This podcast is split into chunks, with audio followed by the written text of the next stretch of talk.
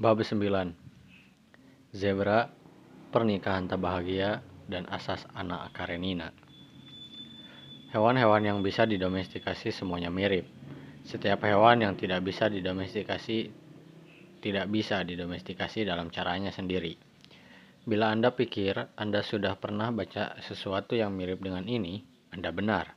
Buat saja sedikit perubahan dan Anda mendapatkan kalimat pertama yang terkenal dari novel Akbar karya Leo Tol Tolstoy, Anna Karenina.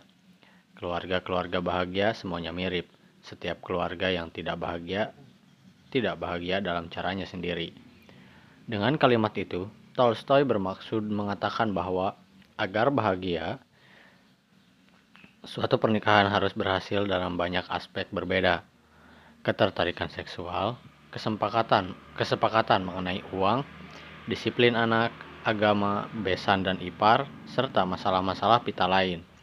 Kegagalan dalam satu saja di antara aspek-aspek esensial itu bisa menghancurkan pernikahan meskipun ada semua bahan lain yang dibutuhkan untuk kebahagiaan. Asas itu bisa diperlukan untuk memahami berbagai hal lain dalam kehidupan selain pernikahan. Kita cenderung mencari penjelasan-penjelasan mudah dengan satu faktor untuk kesuksesan. Namun bagi hal-hal yang lebih penting, sebenarnya agar sukses kita harus menghindari banyak hal berbeda yang dapat menjadi penyebab kegagalan. Asas anak Karenina menjelaskan satu ciri domestikasi hewan yang berakibat besar bagi sejarah manusia, yaitu bahwa semisalnya zebra dan pekari tidak pernah didomestikasi dan bahwa hasil domestikasi yang berhasil nyaris seluruhnya hanya ditemukan di Eurasia. Setelah di dua bab sebelumnya membahas mengapa sedemikian banyak spesies tumbuhan liar yang sepertinya cocok untuk didomestikasi, ternyata tidak pernah didomestikasi. Sekarang kita akan mencoba menjawab pertanyaan serupa untuk mamalia domestik. Pertanyaan kita sebelumnya mengenai apel atau Indian menjadi pertanyaan zebra atau orang Afrika. Di bab 4 kita mengingat mengenai betapa banyak keuntungan besar yang diberikan mamalia domestik besar kepada masyarakat-masyarakat manusia yang memiliki mereka. Yang paling penting adalah bahwa mamalia domestik menyediakan daging, produk-produk susu, pupuk, angkutan darat, kulit, kendaraan perang, tenaga penarik bajak, dan wol. Juga kuman yang membunuh orang-orang yang tak pernah terpapar kepada penyakit itu sebelumnya.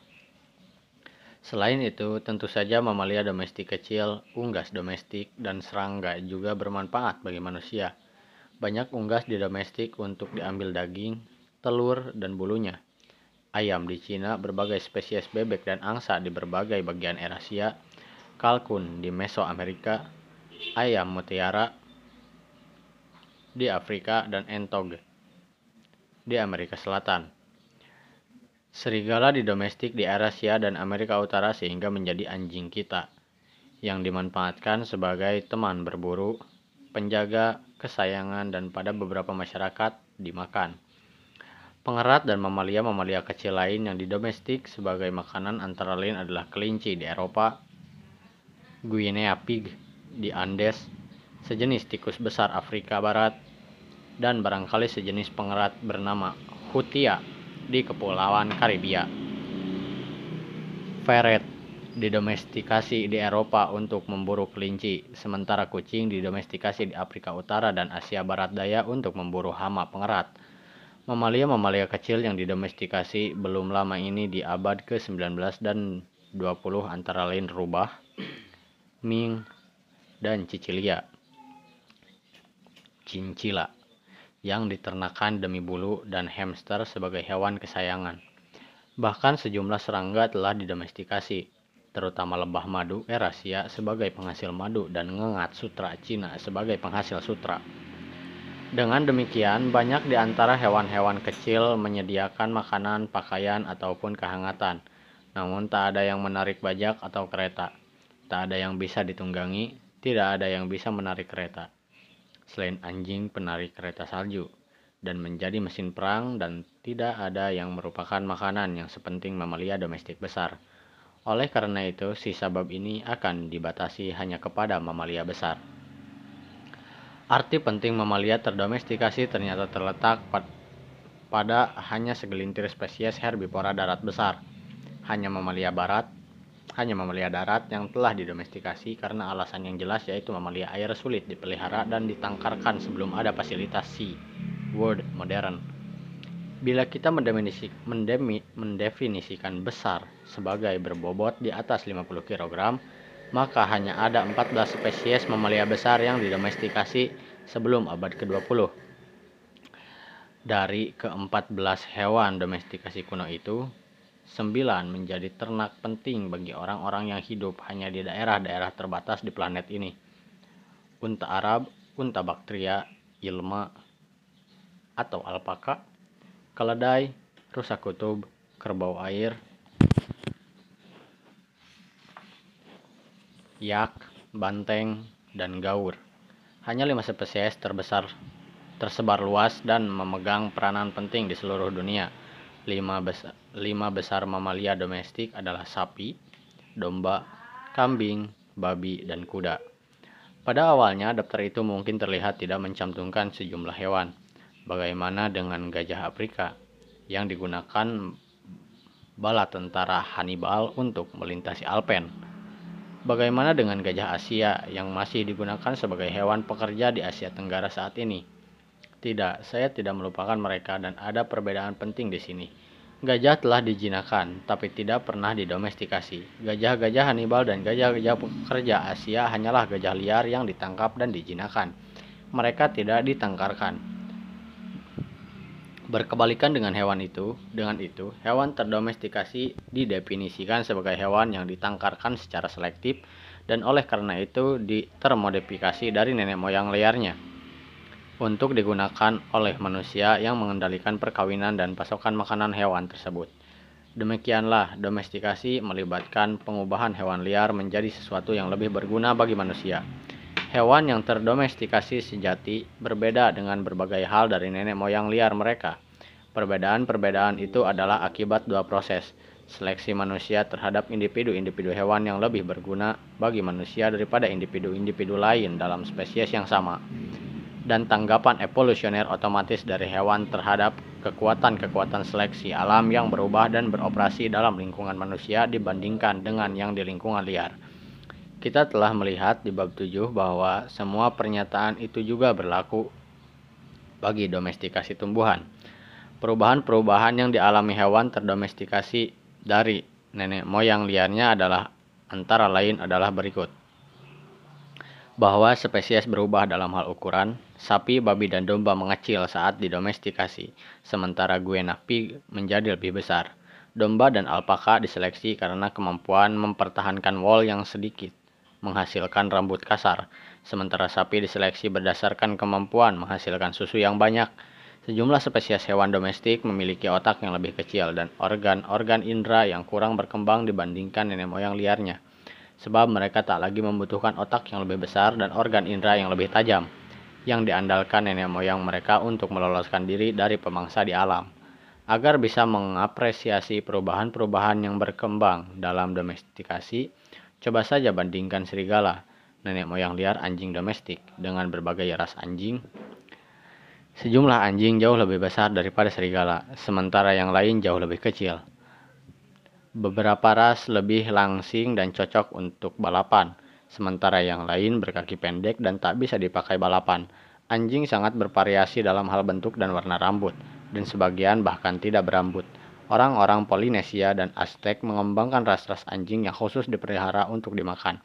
Bandingkan seekor dasbun, dazhan dengan seekor serigala dan Anda bahkan tak akan terpikir kalau yang disebutkan pertama adalah keturunan kedua bila Anda tidak tahu sejak sebelumnya.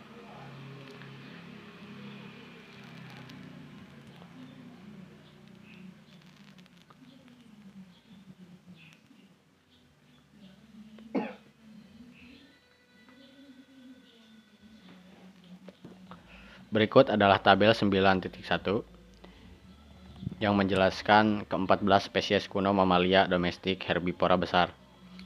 Pertama, 5 besar mamalia. Yang satu domba, nenek moyang liar. domba Mouflon Asia dari Asia Barat dan Tengah sekarang di seluruh dunia. Kambing nenek moyang liar, kambing bezoar dari Asia Barat sekarang di seluruh dunia. Sapi alias lembu, nenek moyang liar, auroch yang sekarang punah. Dahulu tersebar di seluruh Eurasia dan, dan Afrika Utara. Sekarang ada di seluruh dunia. Babi, nenek moyang babi adalah celeng, tersebar di seluruh Eurasia dan Afrika Utara, sekarang di seluruh dunia. Sebetulnya, omnivora secara teratur memakan hewan maupun tumbuhan, sementara 13 lainnya di antara ke-14 hewan domestikasi kuno lebih merupakan herbivora. Kuda, nenek moyang kuda adalah kuda-kuda liar yang kini punah di Rusia Selatan. Subspesies berbeda dari spesies yang sama bertahan di alam liar sampai zaman modern sebagai kuda. Prizewalksi di Mongolia, sekarang di seluruh dunia. Lalu sembilan mamalia kecil. Yang pertama unta, yang berpenduk satu. Nenek moyang mereka sekarang punah, tadinya hidup di Arab dan daerah-daerah sekitarnya, masih sangat terbatas di Arab dan Afrika Utara, walaupun feral di Australia. Unta bakria berpunduk dua, nenek moyang liar mereka sekarang punah, tadinya hidup di Asia, tadinya hidup di Asia Tengah masih sangat terbatas di Asia Tengah.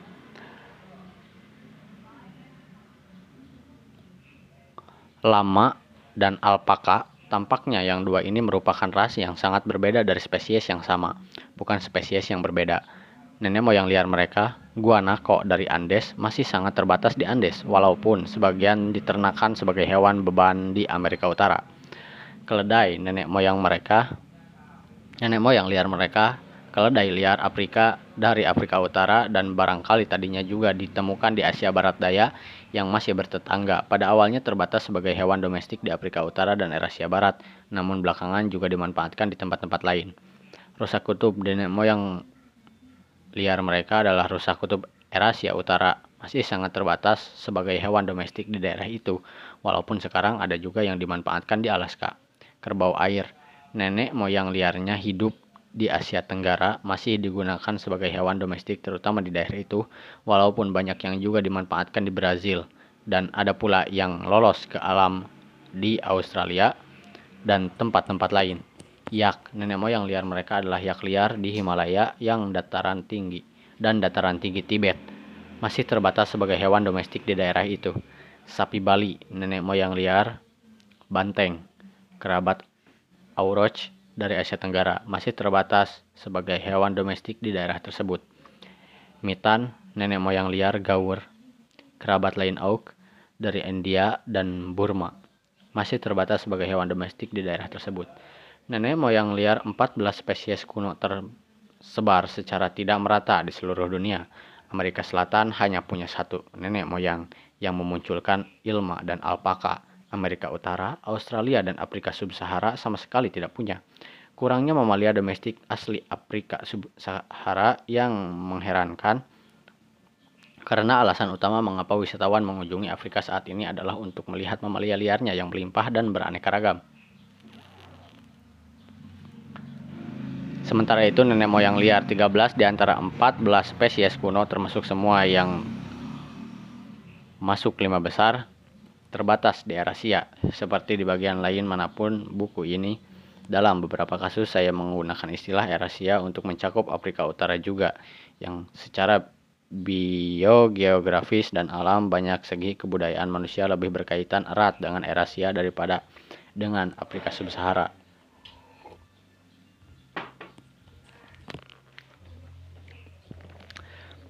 Tentu saja bukan berarti ke-13 spesies nenek moyang liar itu ditemukan bersama-sama di seluruh Eurasia. Tidak ada daerah yang memiliki keti ke-13 13-nya. Dan sejumlah nenek moyang liar cukup sempit persebarannya, misalnya yak yang terbatas di alam di Tibet dan dataran-dataran tinggi yang berdekatan. Tapi banyak bagian Eurasia yang memang memiliki sebagian di antara ke-13 spesies itu yang hidup berdampingan di daerah yang sama, Misalnya tujuh nenek moyang liar ditemukan di Asia Barat Daya. Sangat tidak meratanya persebaran spesies nenek moyang liar di benua-benua itu menjadi alasan penting mengapa orang-orang Eurasia, bukan orang-orang dari benua-benua lain yang akhirnya memiliki keunggulan bedil, kuman, dan baja. Bagaimana Bagaimana kita bisa menjelaskan terpusatnya 14 spesies kuno di Eurasia? Salah satu alasannya sederhana. Eurasia memiliki jumlah spesies mamalia darat liar terbanyak yang menjadi nenek moyang spesies terdomestikasi ataupun tidak. Mari definisikan kandidat domestikasi sebagai spesies mamalia herbivora atau omnivora apa pun yang makanannya tidak didominasi daging dengan berat rata-rata melebihi 50 kg. Tabel 5.2 akan menunjukkan bahwa Eurasia memiliki paling banyak kandidat, 72 spesies, sebagaimana benua tersebut memiliki paling banyak spesies dari banyak kelompok tumbuhan dan hewan lain. Hal itu karena Eurasia merupakan masa daratan ter terbesar di dunia dan juga memiliki keanekaragaman ekologi tinggi dengan habitat yang berkisar dari hutan hujan tropis yang luas hutan beriklim sedang, gurun, rawa-rawa, sampai kandidat, sampai tundra yang sama luasnya. Afrika sub-Sahara memiliki lebih sedikit kandidat, 51 spesies, seperti juga wilayah itu memiliki lebih sedikit lebih sedikit spesies dari sebagian besar kelompok tumbuhan dan hewan lain. Sebab Afrika sub-Sahara berukuran lebih kecil dan secara ekologis keanekaragamannya kurang dibandingkan Eurasia. Afrika memiliki luas hutan hujan tropis yang lebih kecil daripada Asia Tenggara dan tidak memiliki habitat beriklim sedang sama sekali di atas garis lintang 30 derajat. Seperti yang saya bahas di bab 1, Amerika mungkin tadinya memiliki habitat nyaris sebanyak Afrika, namun sebagian besar mamalia liar besar Amerika termasuk kuda-kudanya Sebagian besar untanya dan spesies-spesies lain yang memungkinkan akan terdomestikasi seandainya saja mereka bertahan punah sekitar 13.000 tahun lalu. Australia, benua terkecil dan paling terisolasi, selalu memiliki jauh lebih sedikit spesies mamalia besar daripada Eurasia, Afrika, atau Amerika. Seperti di Amerika, di Australia, semua dari segelintir kandidat itu, selain kanguru merah dipunahkan dalam sekitar masa kolonisasi pertama benua itu oleh manusia. Tabel 9.2 mamalia kandidat domestik. Di benua Eurasia, kandidat 72 spesies terdomestikasi presentase spesies terdomestikasi ada 13 persentase kandidat yang terdomestikasi 18%. Di benua sub di, di benua Afrika sub-Sahara ada li, sekitar 51 kandidat dan 0 spesies terdomestikasi dengan persentase kandidat yang terdomestikasi 0%. Benua Amerika mempunyai kandidat 24, persentase kandidat atau spesies yang terdomestikasi ada satu, persentase kandidat yang terdomestikasi ada 4%. Sedangkan di Australia hanya punya satu kandidat dengan spesies yang terdomestikasi nol serta presentasi kandidat yang terdomestikasi pun nol. Dengan demikian, sebagian penjelasan mengapa Eurasia merupakan tempat utama domestikasi mamalia besar adalah karena benua tersebut memiliki paling banyak spesies mamalia besar kandidat dari sedari awal dan kehilangan paling sedikit kandidat gara-gara kepunahan dalam 40.000 tahun terakhir. Namun angka-angka di tabel 9.2 mem memperingatkan kita bahwa penjelasannya bukan hanya itu. Betul juga bahwa persentase kandidat yang betul-betul didomestikasi paling tinggi di Eurasia dan luar biasa rendah di Afrika Sub-Sahara. Yang sangat mengejutkan adalah betapa banyaknya spesies mamalia Afrika dan Amerika yang tidak pernah didomestikasi meskipun mereka memiliki kerabat dekat atau spesies serupa di Eurasia yang didomestikasi. Mengapa kuda Eurasia didomestikasi tapi zebra Afrika tidak? Mengapa babi Eurasia bukan bukan pokari Amerika atau ketiga spesies celeng sejati Afrika? Mengapa kelima spesies sapi liar Eurasia, auroch, kerbau air, yak, gaur, banteng, namun tidak kerbau Afrika atau bison Amerika? Mengapa domba Mouflon Asia nenek moyang domba domestik kita, namun tidak domba tanduk besar Amerika Utara? Apakah para penduduk Afrika, Amerika, dan Australia terlepas dari keanekaragaman mereka yang luar biasa ternyata memiliki kesamaan halangan budaya terhadap domestikasi yang tidak dimiliki orang-orang Eurasia? Misalnya, apakah keberlimpahan mamalia besar Afrika yang bisa ditangkap dengan berburu saja membuat orang-orang Afrika tidak perlu repot-repot mengembala ternak? Jawaban terhadap pertanyaan itu tegas, tidak.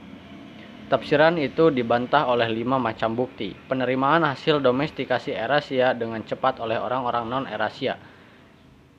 Kegemaran universal manusia untuk memelihara hewan. Domestikasi cepat 14 spesies kuno. Domestikasi mandiri berulang-ulang sebagi, sebagian di antaranya.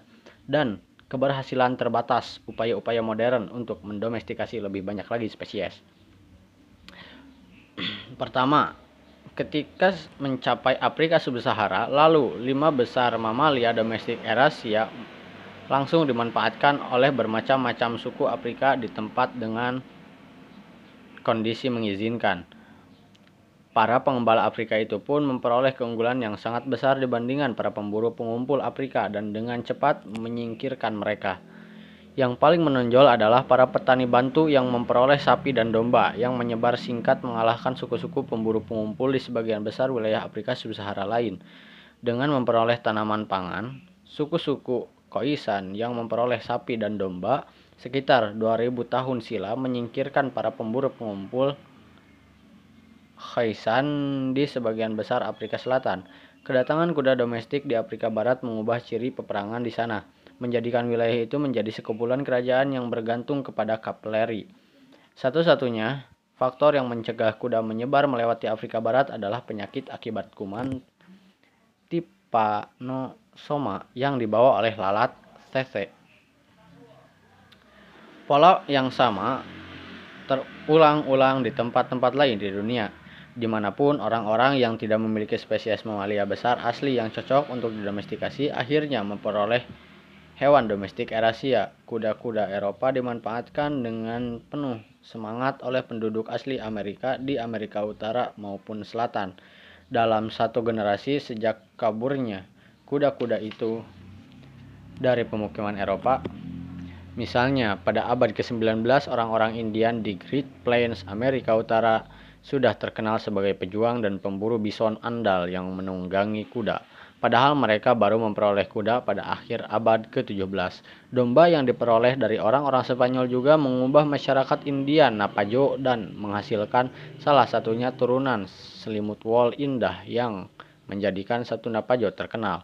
Dalam dalam satu dasawarsa, sejak orang-orang Eropa bermukim di Tasmania bersama anjing, penduduk Aborigin Tasmania yang sebelumnya tak pernah melihat anjing, mulai beternak anjing dalam jumlah besar untuk digunakan berburu. Dengan demikian, di antara ribuan suku asli Australia, Amerika, dan Afrika yang memiliki keanekaragaman budaya, tidak ada tabu budaya universal yang menghalangi domestikasi hewan. Tentunya seandainya sebagian spesies mamalia liar lokal di benua-benua itu bisa didomestikasi pasti ada saja suku di Australia, Amerika, dan Afrika yang telah mendomestikasi dan memperoleh keunggulan besar dari hewan-hewan itu. Seperti juga mereka mendapatkan manfaat dari hewan-hewan domestik Eurasia yang dengan segera mereka adopsi begitu tersedia. Misalnya, pikirkan tentang suku-suku Afrika Sub-Sahara yang hidup di dekat zebra dan dan kerbau liar. Mengapa tidak ada minimal satu suku pemburu pengumpul Afrika yang mendomestikasi zebra dan, dan kerbau Afrika? sehingga memperoleh keunggulan daripada suku-suku Afrika lain tanpa harus menunggu kedatangan kuda dan sapi Erasia. Semua fakta itu menandakan bahwa penjelasan bagi kurangnya domestikasi mamalia asli di luar Erasia bukanlah akibat kelemahan penduduk lokal, melainkan pada mamalia yang ditemukan di daerah tersebut. Bukti kedua, untuk interpretasi yang sama berasal dari hewan kesayangan, memelihara dan menjinakkan. Hewan liar sebagai kesayangan merupakan tahap awal domestikasi, namun binatang kesayangan dilaporkan ada pada semua masyarakat manusia tradisional di semua benua. Dengan demikian, keanekaragaman hewan liar yang dijinakan jauh lebih besar daripada keanekaragaman yang akhirnya didomestikasi dan mencakup sejumlah spesies yang terpikirkan oleh kita sebagai binatang kesayangan. Misalnya, di desa-desa Papua tempat saya bekerja, saya sering melihat orang memelihara kanguru, posum, dan berbagai burung, dari burung sikatan sampai elang. Kebanyakan hewan tangkapan itu pada akhirnya dimakan, walaupun sebagian dipelihara hanya sebagai binatang kesayangan. Orang-orang Papua bahkan secara teratur menangkap anak kasuari liar dan membesarkan mereka untuk nantinya dimakan sebagai hidangan lezat. Walaupun kasuari dewasa, tangkapan sangat berbahaya dan sering kali merobek perut penduduk desa.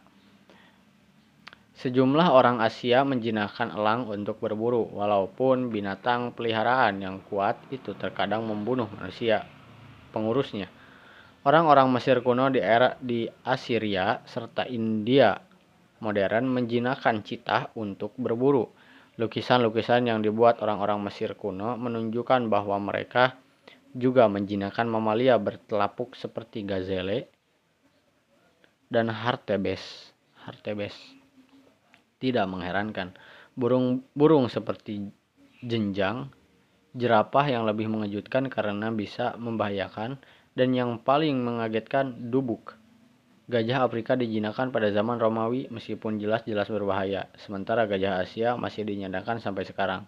Barangkali hewan peliharaan yang paling mustahil adalah beruang coklat Eropa, spesies yang sama dengan beruang grizzly, grizzly Amerika. Yang orang-orang Ainu di Jepang secara teratur tangkap sewaktu masih anak-anak, jinakan dan besarkan untuk dibunuh dan dimakan dalam sebuah upacara ritual. Dengan demikian, banyak spesies hewan liar yang mencapai tahap pertama dalam urutan-urutan hubungan hewan manusia yang mengarah ke domestikasi, namun hanya segelintir yang muncul di ujung urut urutan itu sebagai hewan domestik. Lebih daripada Seabad lalu, ilmuwan Britania Francis Galton merangkum kejomplangan itu dengan ringkas. Tampaknya setiap hewan liar pernah punya kesempatan untuk didomestikasi, segelintir, didomestikasi dulu sekali, namun sebagian besar sisanya yang terkadang hanya memiliki satu kekurangan kecil ditakdirkan untuk selamanya liar. Kapan spesies hewan didomestikasi menjadi bukti ketiga yang mengkonfirmasi pandangan Galton bahwa suku-suku pengembala awal dengan cepat mendomestikasi semua spesies mamalia besar yang cocok untuk didomestikasi. Semua spesies yang waktu domestikasinya terbukti secara arkeologis didomestikasi antara sekitar 8000 dan 2500 sebelum Masehi. Dalam kata lain, dalam beberapa ribu tahun pertama perkembangan masyarakat petani pengembala menetap yang muncul setelah zaman es terakhir.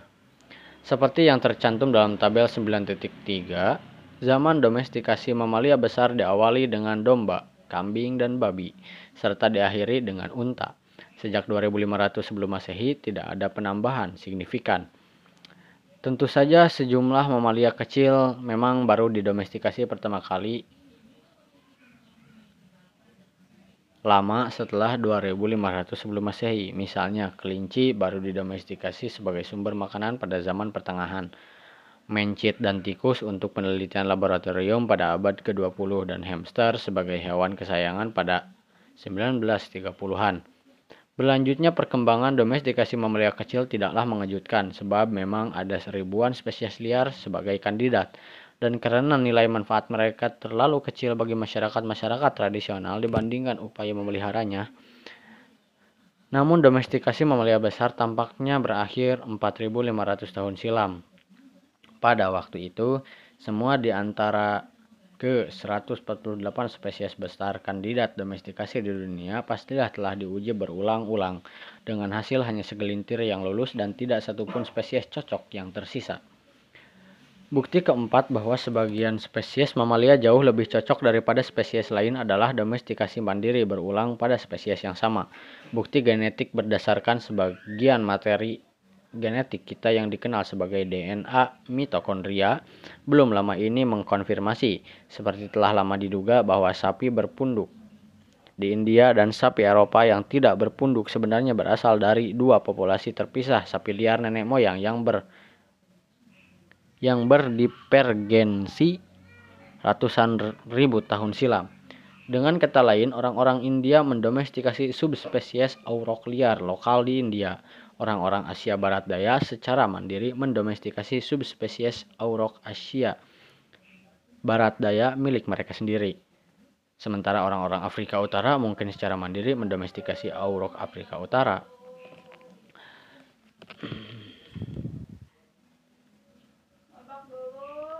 Tabel 9.3 memperkirakan waktu asal bukti pertama yang teruji bagi domestikasi spesies mamalia besar. Yang pertama, ada anjing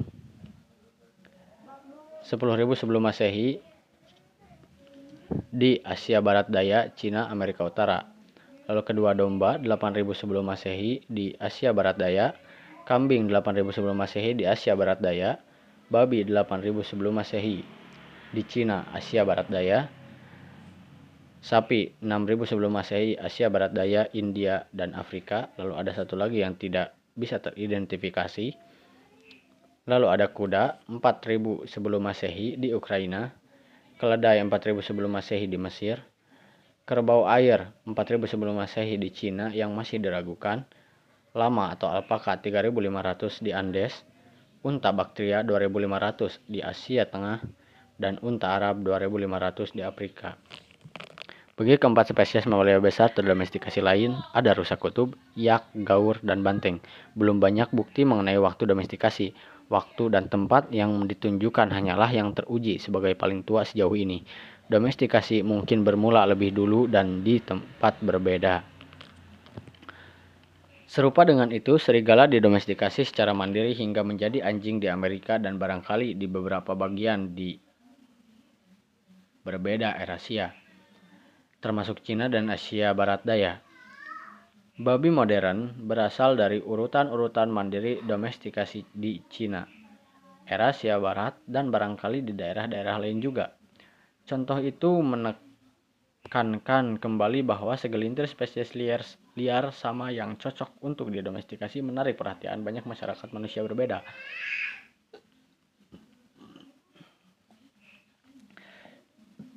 Kegagalan-kegagalan upaya modern menjadi bukti terakhir bahwa kegagalan-kegagalan masa lalu yang mendomestikasi sebagian besar spesies kandidat liar berakar dari kekurangan-kekurangan spesies itu, bukan karena kekurangan manusia zaman dulu. Orang-orang Eropa zaman sekarang adalah pewaris salah satu tradisi domestikasi hewan terlama di bumi, yang dimulai di Asia Barat Daya sekitar 10.000 tahun silam. Sejak abad ke-15, orang-orang Eropa telah menyebar ke seluruh penjuru dunia dan menemukan spesies-spesies mamalia liar yang tidak ditemukan di Eropa. Pemukim Eropa, seperti orang-orang Papua yang saya jumpai bersama hewan kesayangan seperti kanguru dan posium, telah menjinakkan atau menjadikan banyak mamalia lokal sebagai hewan kesayangan, seperti juga penduduk pribumi. Para pengembala dan petani Eropa yang ber imigrasi berem, beremigrasi ke benua-benua lain juga telah melakukan upaya-upaya serius untuk mendomestikasi sejumlah spesies lokal. Di abad ke-19 dan 20 setidaknya enam mamalia besar, elan, rusa merah, rusa besar, lembu kasturi, zebra, dan bison Amerika menjadi saran menjadi sasaran proyek-proyek domestik yang terorganisasi yang dilaksanakan oleh petangkar ilmiah hewan dan ahli genetika modern. Misalnya, elan. Antelop Afrika terbesar telah menjalani seleksi berdasarkan kualitas daging dan kualit dan kuantitas susu di Taman Madagaskar, eh, di Taman Marga Satwa Askania Nova di Ukraina. Juga di Inggris, Kenya, Zimbabwe, dan Afrika Selatan. Satu peternakan eksperimental untuk rusa merah telah dioperasikan oleh Rowett Research Institute di Aberdeen, Skotlandia. Sementara peternakan eksperimental untuk rusa besar telah dioperasikan di Taman Nasional Pechero Iling di Rusia. Namun upaya-upaya modern itu hanya meraih kesuksesan yang sangat terbatas. Sementara daging bison terkadang muncul di sejumlah supermarket Amerika Serikat dan sementara Muse telah ditunggangi. Diperah susunya dan digunakan untuk menarik kereta salju di Swedia dan Rusia. Tak satu pun upaya itu yang memberikan hasil dengan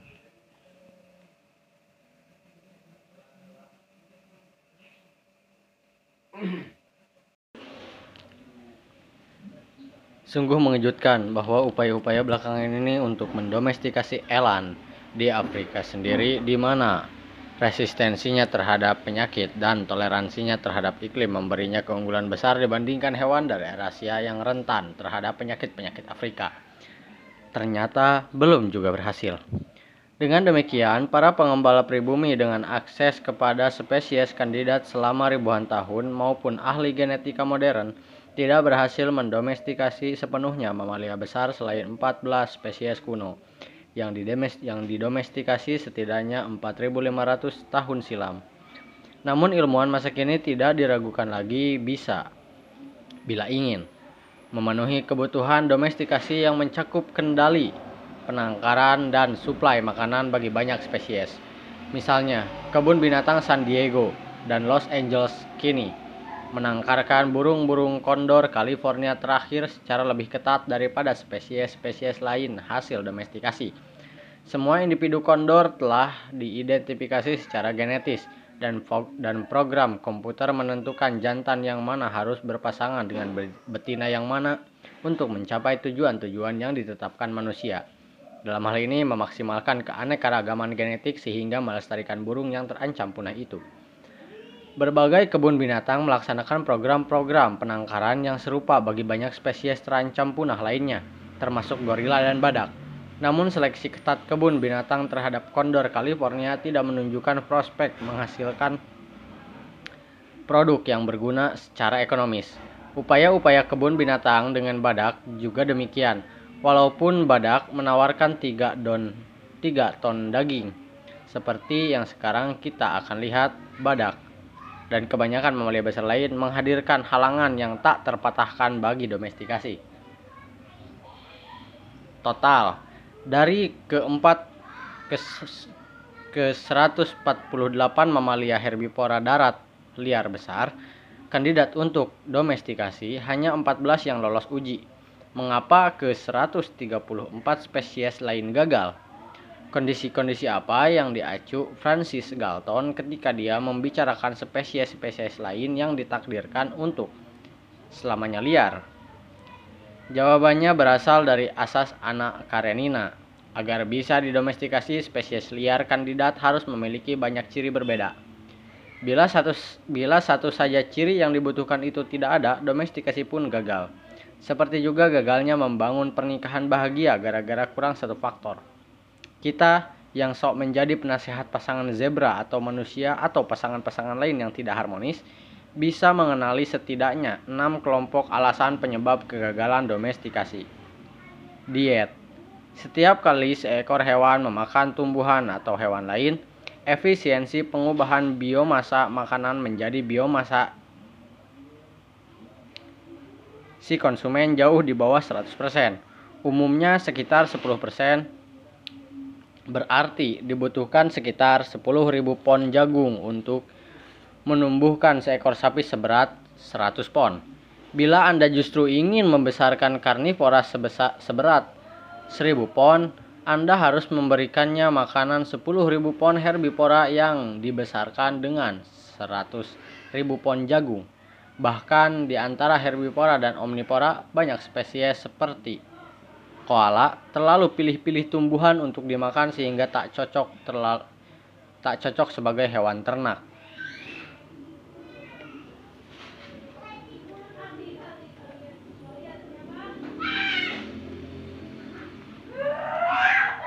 Sebagai akibat dari ketidakefisienan mendasar itu, tidak ada karnivora mamalia yang pernah didomestikasi sebagai sumber makanan. Bahkan bukan karena dagingnya bakalan alot atau tak enak, toh ikan liar karnivora yang kita makan itu enak, dan sama bisa secara pribadi bersaksi mengenai enaknya rasa burger singa. Satu-satunya yang paling bisa disebut kekecualian adalah anjing, yang awalnya didomestikasi sebagai penjaga dan pendamping berburu, namun ada ras anjing yang dikembangkan dan dipelihara sebagai makanan di Meksiko, Aztec, Polinesia, dan Cina kuno. Tapi menyantap daging secara teratur adalah jalan terakhir bagi masyarakat manusia yang kekurangan daging. Orang Aztec tidak punya mamalia domestik lain, sementara orang-orang Polinesia dan Cina kuno hanya punya babi dan anjing. Masyarakat manusia yang diberkahi bermacam-macam mamalia hernivora domestik tidak repot-repot memakan anjing, kecuali sebagai makanan mewah yang tidak lazim. seperti di beberapa bagian Asia Tenggara saat ini.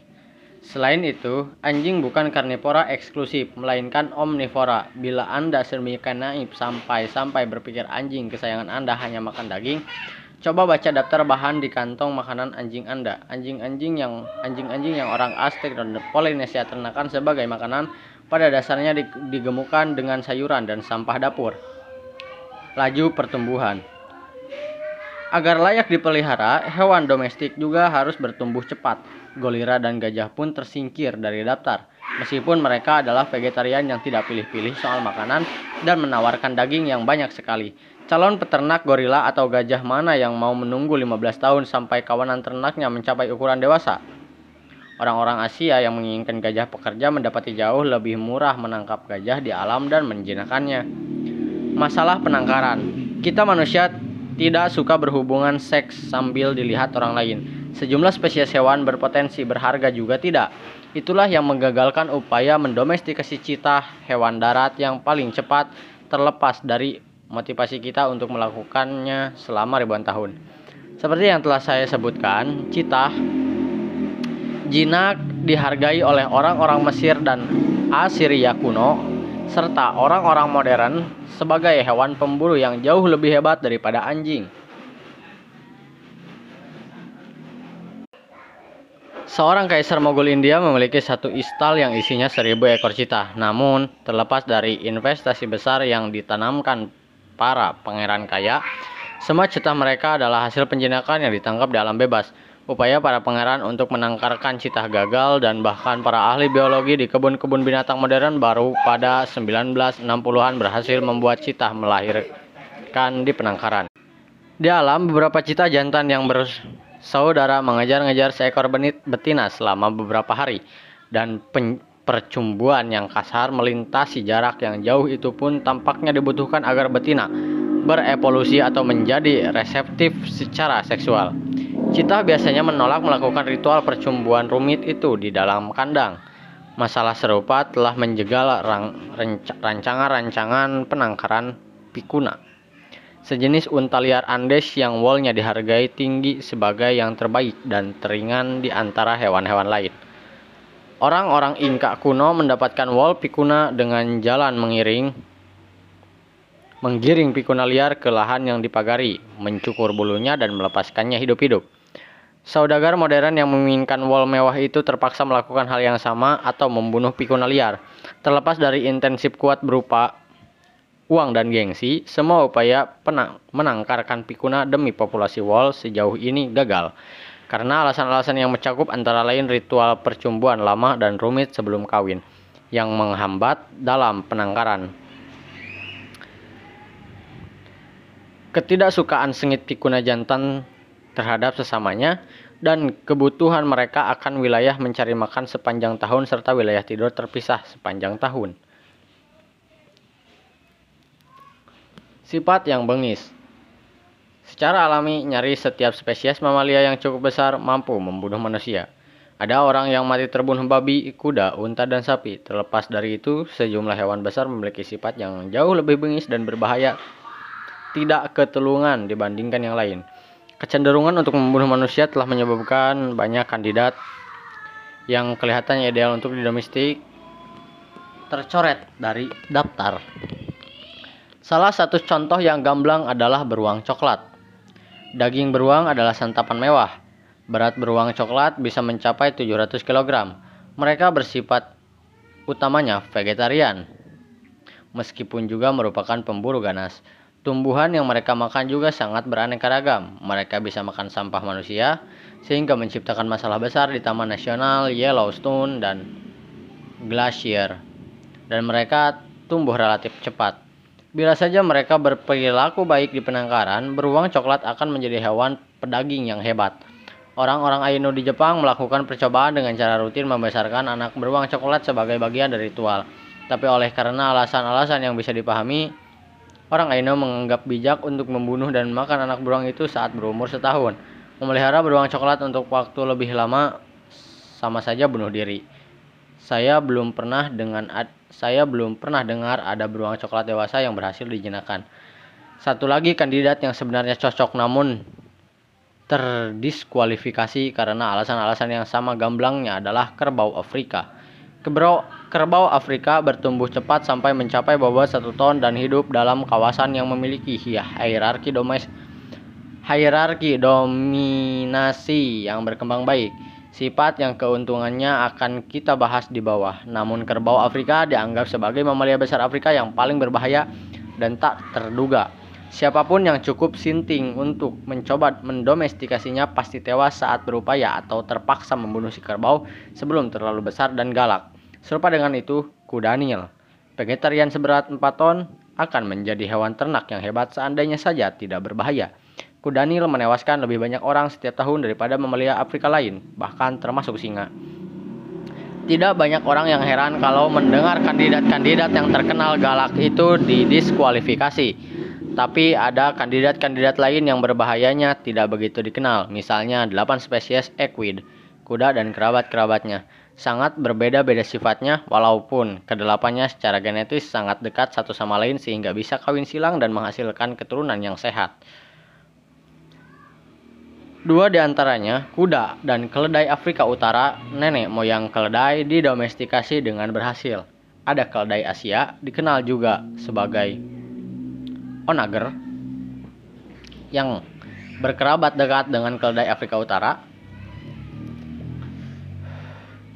Oleh karena itu, tempat asalnya mencakup juga bulan sabit subur, tempat lahirnya peradaban barat dan domestikasi hewan. Orang-orang zaman dahulu pastilah telah banyak mencoba mendomestikasi onager.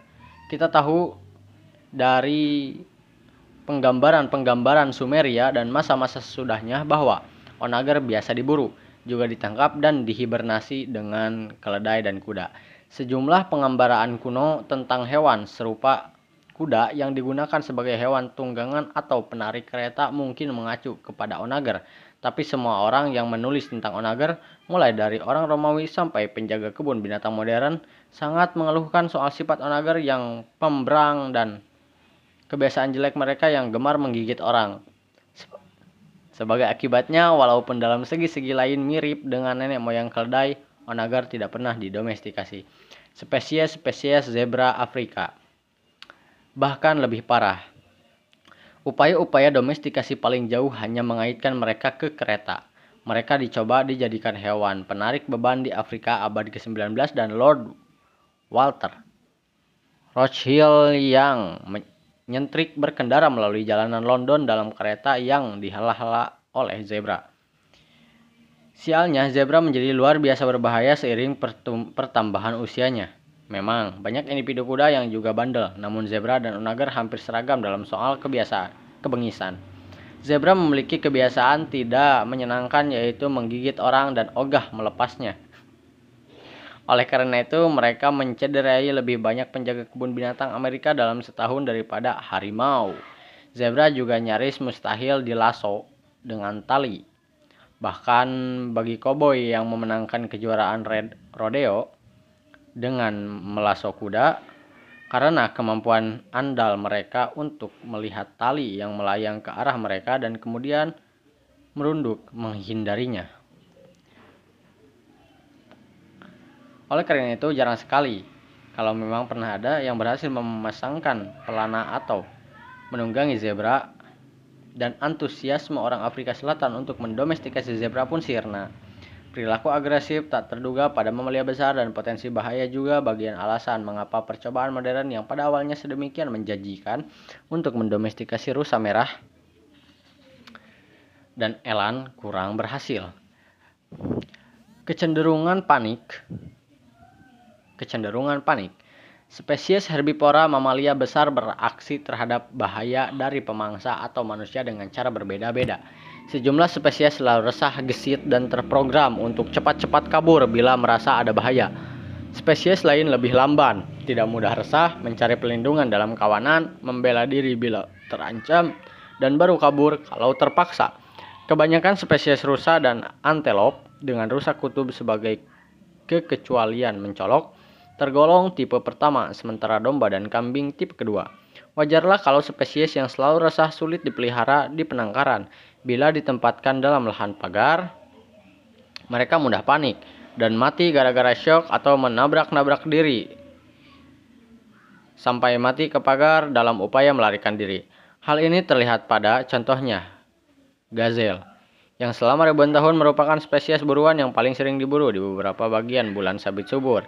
Tidak ada spesies mamalia lain yang para pemukim pertama kawasan itu memiliki paling banyak kesempatan untuk domestikasi kecuali gazelle. Namun tidak ada spesies gazelle yang pernah didomestikasi. Coba bayangkan saja mencoba mengembala hewan yang menjeli, yang melejit. Membabi buta menabrakkan dirinya sendiri ke tembok, bisa melompat nyari setinggi 10 meter dan bisa lari dengan kecepatan sampai 8 km per jam. Lalu ada struktur sosial. Nyaris semua spesies mamalia besar terdomestikasi terbukti merupakan spesies dengan nenek moyang liar yang memiliki tiga kesamaan ciri sosial. Mereka hidup dalam kawanan, mereka mempertahankan hierarki dominasi yang berkembang baik di antara anggota kawanan dan kawanan menempati wilayah tempat tinggal yang bertumbang yang bertumpang tindih bukan teritori eksklusif bersama misalnya kawanan kuda liar terdiri atas satu kuda jantan kuda betina yang dapat mencapai setengah lusin dan anak-anak mereka kuda betina A dominan atas betina B, C, D, dan E betina mereka betina B tunduk terhadap A namun dominan atas C, D, dan E. C tunduk terhadap B dan A tapi dominan atas D dan E dan seterusnya. Ketika kawanan itu sedang berpindah tempat, anggota-anggotanya mempertahankan urutan yang khas. Di belakang si jantan, di depan betina berperingkat tertinggi diikuti oleh anak-anaknya sesuai urutan usia dengan yang paling muda dulu dan di belakangnya betina-betina lain sesuai peringkat. Masing-masing diikuti oleh anak-anaknya sesuai urutan usia. Dengan cara itu, banyak kuda dewasa berada dalam kawanan yang sama tanpa terus-menerus bertarung dan masing-masing mengetahui peringkatnya.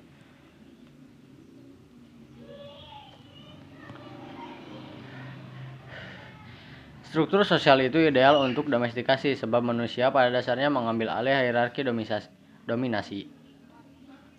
Kuda domestik yang sekelompok berjajar mengikuti manusia pemimpin seperti mereka normalnya mengikuti betina peringkat teratas. Kawanan domba, kambing, sapi, dan nenek moyang anjing, serigala memiliki hierarki serupa. Selagi hewan muda bertumbuh dalam kawanan semacam itu, mereka dalam benak menghafal hewan-hewan lain yang biasa mereka lihat di sekitar mereka. Di alam bebas yang dimaksud adalah anggota-anggota spesies mereka sendiri. Namun hewan kawanan muda yang besar di penangkaran juga melihat manusia di sekitar mereka yang juga mereka tanamkan dalam benak. Hewan-hewan sosial semacam itu mudah digembala oleh karena mereka toleran satu sama lain. Mereka bisa dikumpulkan jadi satu. Oleh karena mereka secara naluriah mengikuti pemimpin dominan dan menanamkan dalam benak bahwa manusia adalah pemimpin, mereka bisa dengan mudah digiring oleh pengembala atau anjing gembala. Hewan kawanan tidak ribut sewaktu dikandangkan ramai-ramai, sebab mereka terbiasa hidup dalam kelompok-kelompok yang berdesak-desakan di alam. Sementara itu, anggota spesies hewan teritorial yang paling soliter tidak bisa digembala. Mereka biasanya tidak saling meneng menenggang. Mereka tidak menanamkan manusia dalam benak, dan mereka tidak memiliki naluri tunduk kepada yang lain. Siapa yang pernah melihat barisan kucing yang di alam soliter dan teritorial. Mengikuti seorang manusia atau membiarkan diri mereka digembala manusia. Semua pecinta kucing tahu, kucing tidak tunduk kepada manusia seperti anjing yang melakukannya secara naluriah. Hanya kucing dan dan ferret, spesies mamalia teritorial yang didomestikasi. Sebab motif kita melakukannya bukanlah untuk mengembalakan mereka dalam kelompok besar yang dibesarkan untuk dimakan, melainkan hanya untuk dipelihara sebagai pemburu soliter dan binatang kesayangan.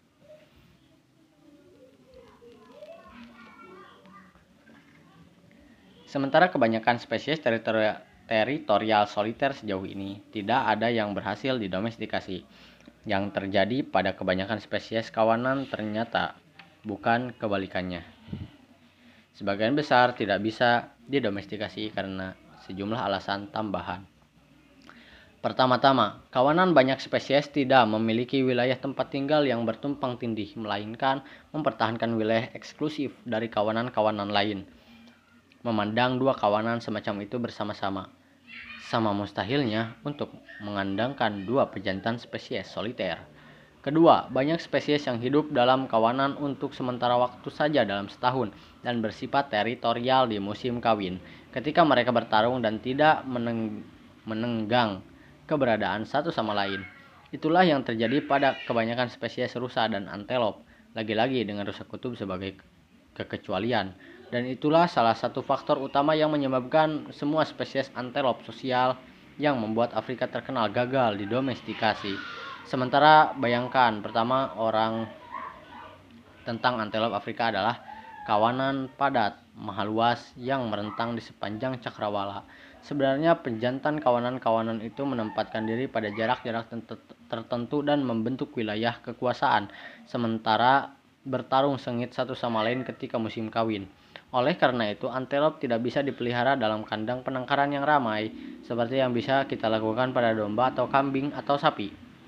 Perilaku teritorial yang, didome, yang dikombinasikan dengan sifat galak yang laju pertumbuhan lamban menyebabkan badak juga tersingkir dari lahan peternakan.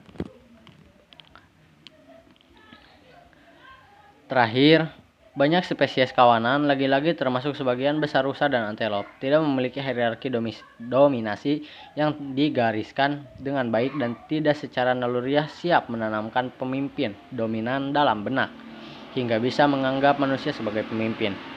Sebagai akibatnya, walaupun banyak spesies rusa dan antelop sudah berhasil dijinakkan, tidak pernah ada yang melihat rusa dan antelop jinak digiring dalam kawanan seperti domba. Masalah itu juga menggagalkan domestikasi domba tanduk besar Amerika Utara yang tergolong ke dalam genus yang sama dengan domba domba Meuflon Asia, nenek moyang domba domestik kita. Domba bin, bighorn sesuai bagi kita dan serupa dengan Mouflon dalam sebagian besar segi, kecuali satu yang sangat penting, mereka tidak memiliki perilaku khas Mouflon, yakni sejumlah individu berperilaku tunduk terhadap individu-individu lain yang dominasinya mereka akui. Sekarang mari kita kembali ke masalah yang saya ajukan di awal bab ini. Pada awalnya, salah satu ciri paling membingungkan dalam domestikasi hewan adalah sepertinya spesies berhasil didomestikasi secara acak saja, sedangkan kerabat-kerabat dekatnya tetap liar. Ternyata semua kecuali segelintir kandidat domestikasi tersingkir oleh asas anak karenina.